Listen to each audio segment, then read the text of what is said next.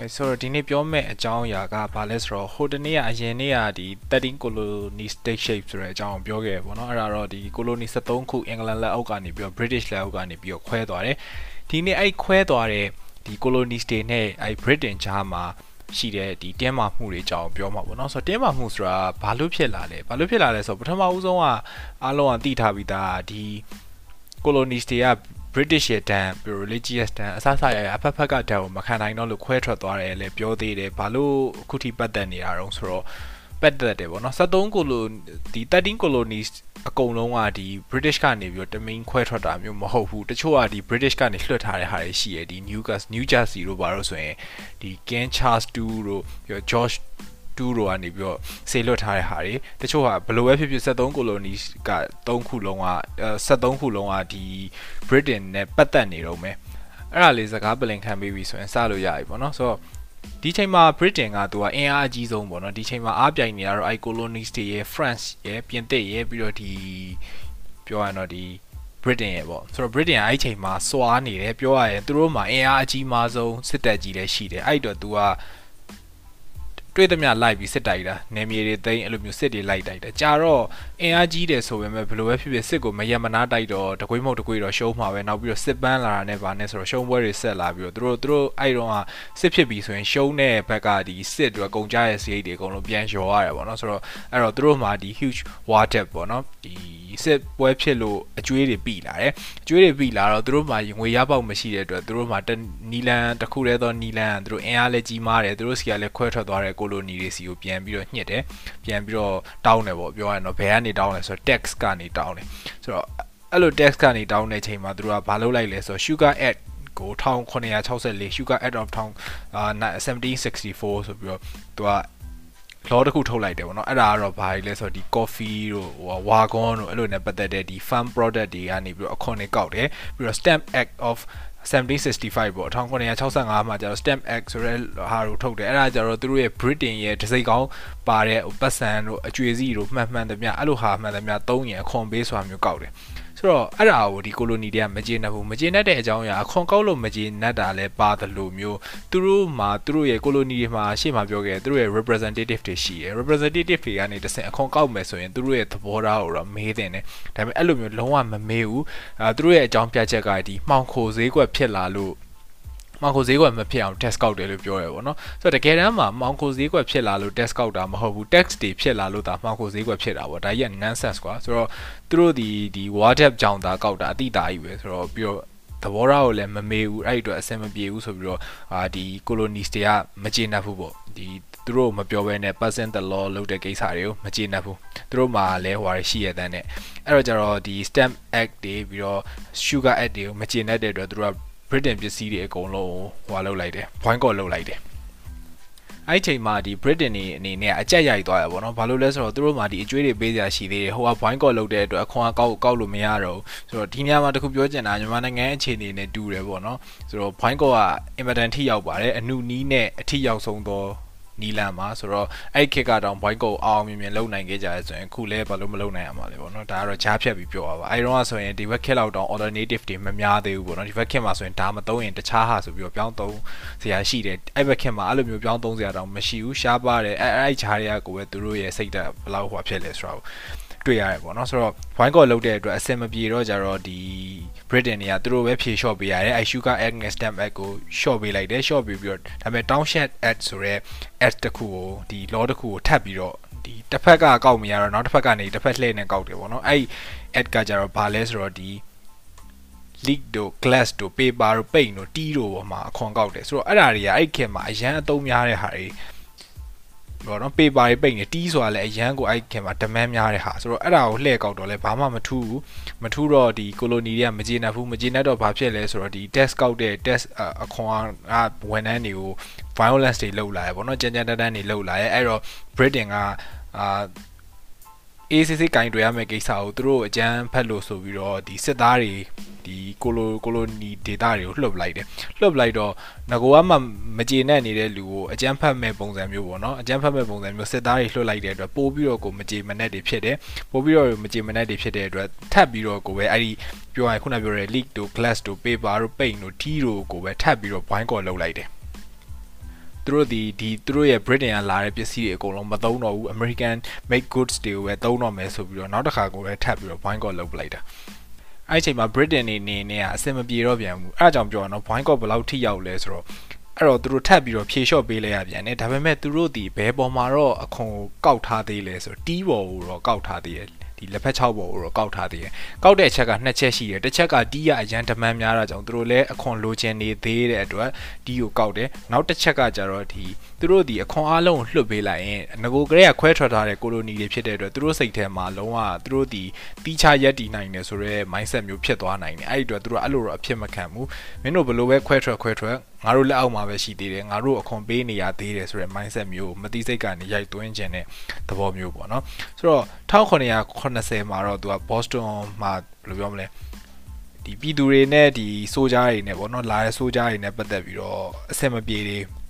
ဖြစ်လာရပေါ့ဆိုတော့အဲ့မှာပြစ်ပြစ်တာခတ်တာလေးတွေဖြစ်တယ်ဖြစ်ပြီးတော့အဲ့မှာစပြီးတော့အဲ့မှာပထမဦးဆုံးစပြီးတော့ဒီ Britain စစ်သားဒီ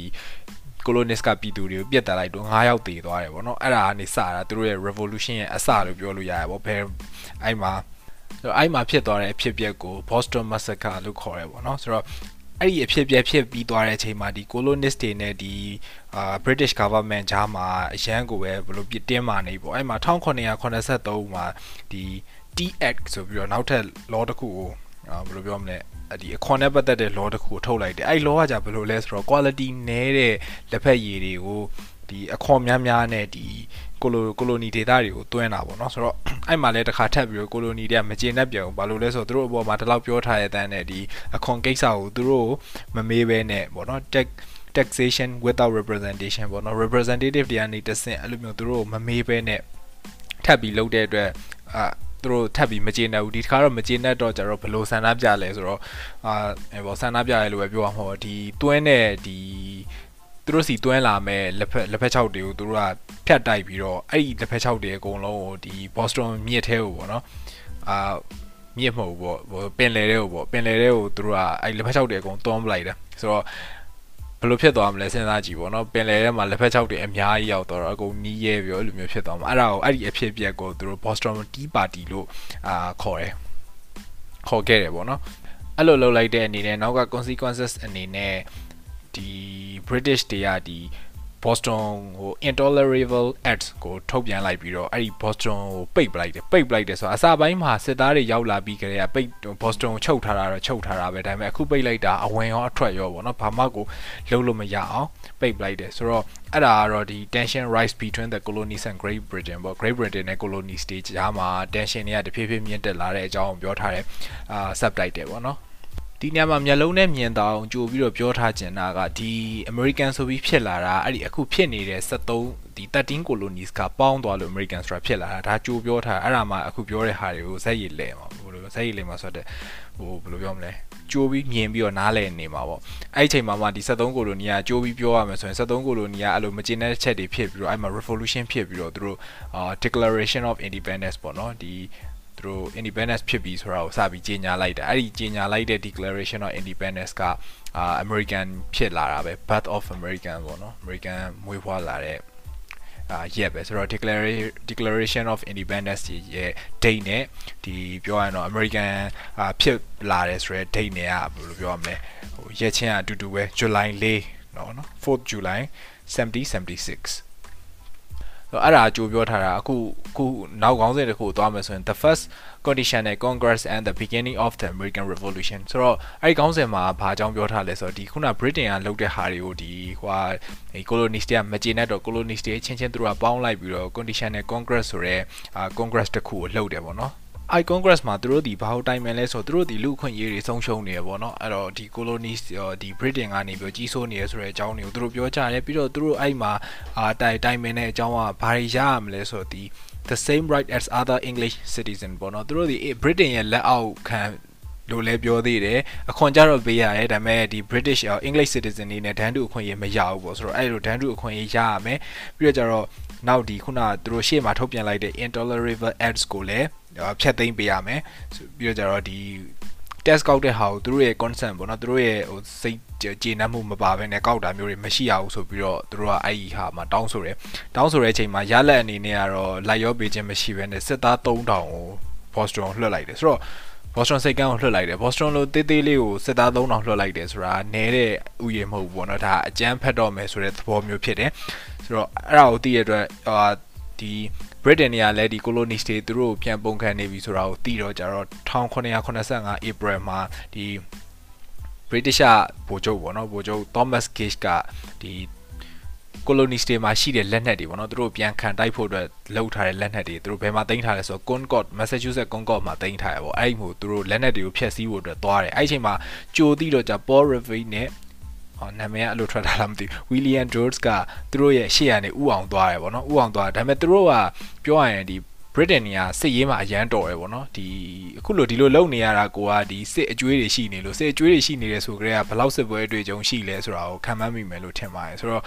ပြောရရင်ဒီ colonies တွေကဘာစစ်အတွေ့အကြုံမှမရှိဘူးအဲ့အတွက်ဟိုစစ်ရေးမှာတော့ဟိုဟာထက် Britain တွေထက်နှိမ့်နေဒါပေမဲ့သူတို့မှာ minute man လို့ခေါ်တဲ့စစ်သားတချို့ရှိရပေါ့နော် minute man ဆိုတဲ့အဓိပ္ပာယ်ကသူတို့10မိနစ်သာကြိုပြောသူတို့ဒီစစ်ပွဲအတွက် ready အသင့်ဖြစ်နေပြီးသားဆိုတော့အဲ့လိုမျိုး train ပေးထားတဲ့လူတွေပေါ့ဆိုတော့သူတို့ပြန် fight ဖို့အတွက်အဲ့လိုလူတွေတော့ရှိတယ်အဲအဲ့လိုကြိုးရောက်သွားတယ်ပေါ့ကြိုးရောက်သွားပြီးတော့ဒီအဲ British တွေကဒီ weapon တွေကိုဖျက်ဖို့အတွက် Concord ကိုလာနေတဲ့လမ်းလမ်းခုလက် Lexington ရောက်တဲ့အချိန်မှာစပြီးတော့ ဒီ colonies တွေကစပြီးတော့ဝိုင်းပြီးတော့ပေါင်းပြီးပြစ်တယ်ပြစ်တော့ကြတော့အဲ့မှာတော့ဒီ18ရောက်ပေါ့နော်ဒီ colony ဘက်က18ရောက်ထိတယ်အာ British စစ်သားတချို့လည်းထိတယ်ဒါပေမဲ့ဘလို့ပဲဖြစ်ဖြစ်ပေါ့နော်ဒီဟိုစစ်ရေးက British ကပိုကောင်းတာဖြစ်တဲ့အတွက်ဒီ colonies ဘက်ကတော့အထိခိုက်ပိုပြီးတော့များတယ်အဲ့လိုမျိုးတွေဖြစ်တော့ကြတော့သူတို့ဒီ British တွေဒီ Boston ကိုစုတ်ခွာရတယ်စုတ်ခွာတဲ့အချိန်မှာဒီသူတို့စုတ်ခွာနေတဲ့လမ်းပေါ့နော် Patriots လို့ခေါ်တဲ့နေရာမှာနေရာရောက်တဲ့ချိန်မှာဒီ colonist တွေက British တွေကိုပိတ်ပြီးတော့တိုက်တယ်ပေါ့ဆိုတော့အဲ့ချိန်မှာအာအဲ့လိုတိုက်တဲ့အတွက်တေတဲ့လူတွေလည်းတေတယ်ပြီးတော့လူ250ကျော်ကျော်ပေါ့နော်ဒီ British ဘက်ကဒဏ်ရာတွေရကြတယ်အဲ့လိုမျိုးဖြစ်တယ်ပေါ့ British တွေကိုသူတို့အဲ့နေရာမှာ colonies တွေသူတို့စစ်သားတွေထောင်ကျော်နဲ့ဒီလာတိုက်တဲ့ဟိုစုတ်ခွာနေတဲ့ British တွေကိုဝိုင်းပြီးတော့ပိတ်ပြီးတော့ကိုပဲတိုက်တာ လုံးဝကိုမရက်ဘူးပေါ့နော် British တွေဘက်ကဒီ gun powder ပေါ့နော်ရမ်းမှုန်တွေကုံသွားတဲ့အထိပဲတိုက်တိုက်တာဒါပေမဲ့ဘလို့ပဲအဲ့လိုပဲတိုက်တိုက်ပေါ့နော်ဒါပေမဲ့နောက်ဆုံးခြုံပြီးတော့ကြီးလိုက်မယ်ဆိုရင်တော့ဒီဒီမှာရေးထားတာပေါ့ဒီ wanted more than half of the British soldier ပေါ့ဆိုတော့ British soldier တွေထိခိုက်တာထက်သူတို့ကပို့ပြီးတော့ဒီ colonies တွေထိခိုက်တယ်ပေါ့ဒါရှေ့မှာပြောခဲ့ပထမဆုံးစစ်ရေးအတွေ့အကြုံပြီးတော့လက်နက်အင်အားနဲ့အဲ့လိုမျိုးဆိုင်နေဒါပေမဲ့ဘလို့ပဲဖြစ်ဖြစ်သူတို့ဒီ prove their ability as fighter သူတို့ဒီသူတို့နိုင်ငံကိုဘယ်လောက်ချစ်ကြောင်းဘယ်လောက်စိတ်အားထက်သန်ကြောင်းသူတို့ဒီ fighter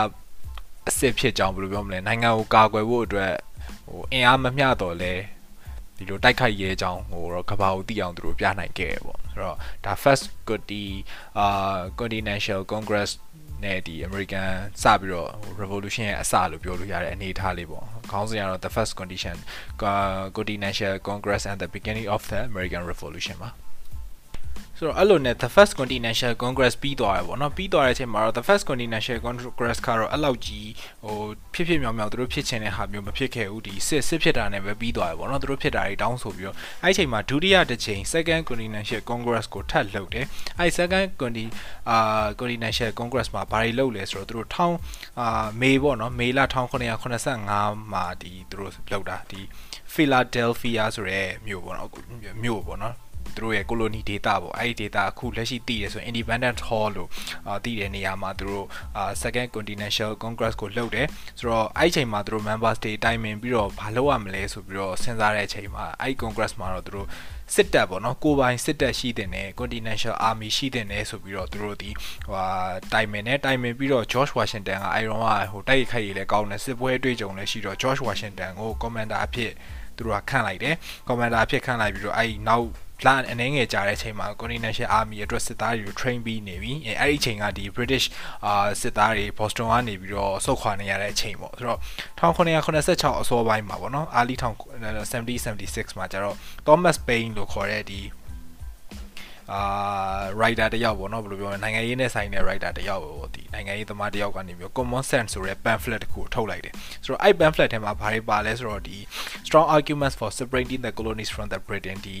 Britain ကနေ colony တွေခွဲထွက်လာတာနဲ့ပတ်သက်ပြီးတော့အထက်အဲ့အဲ့အကြောင်းအရာအခုဖြစ်နေတဲ့ပြဿနာတွေပေါ့ဗျာအဲ့အဲ့ပြဿနာတွေအကြောင်းကိုတသေးချာချာကို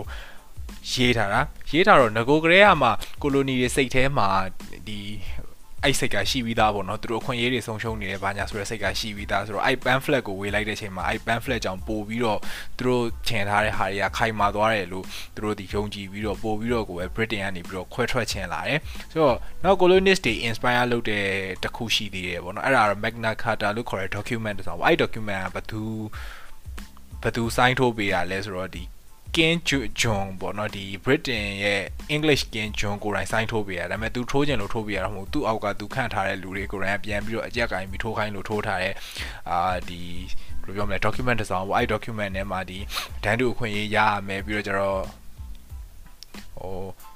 the right to trial by jury ပေါ့နော်တရားခုံရုံးခေါ်တဲ့ဟာနဲ့ပတ်သက်တဲ့ဟာတွေပြီးတော့ legal matter right to due process with legal matter ပြီးတော့အခွန်ကောက်တာနဲ့ပတ်သက်ပြီးတော့ဒီ colony တွေကိုဟိုမျက်နှာသာပေးတဲ့ဟိုဟို ဘယ်လိုပြောမလဲ document တစ်စောင်ပေါ့သူတို့လိုချင်နေတာတွေပါတဲ့ document တစ်စောင်အဲ့ document တစ်စောင်ကိုလည်းဒီဒီ colony တွေကဟို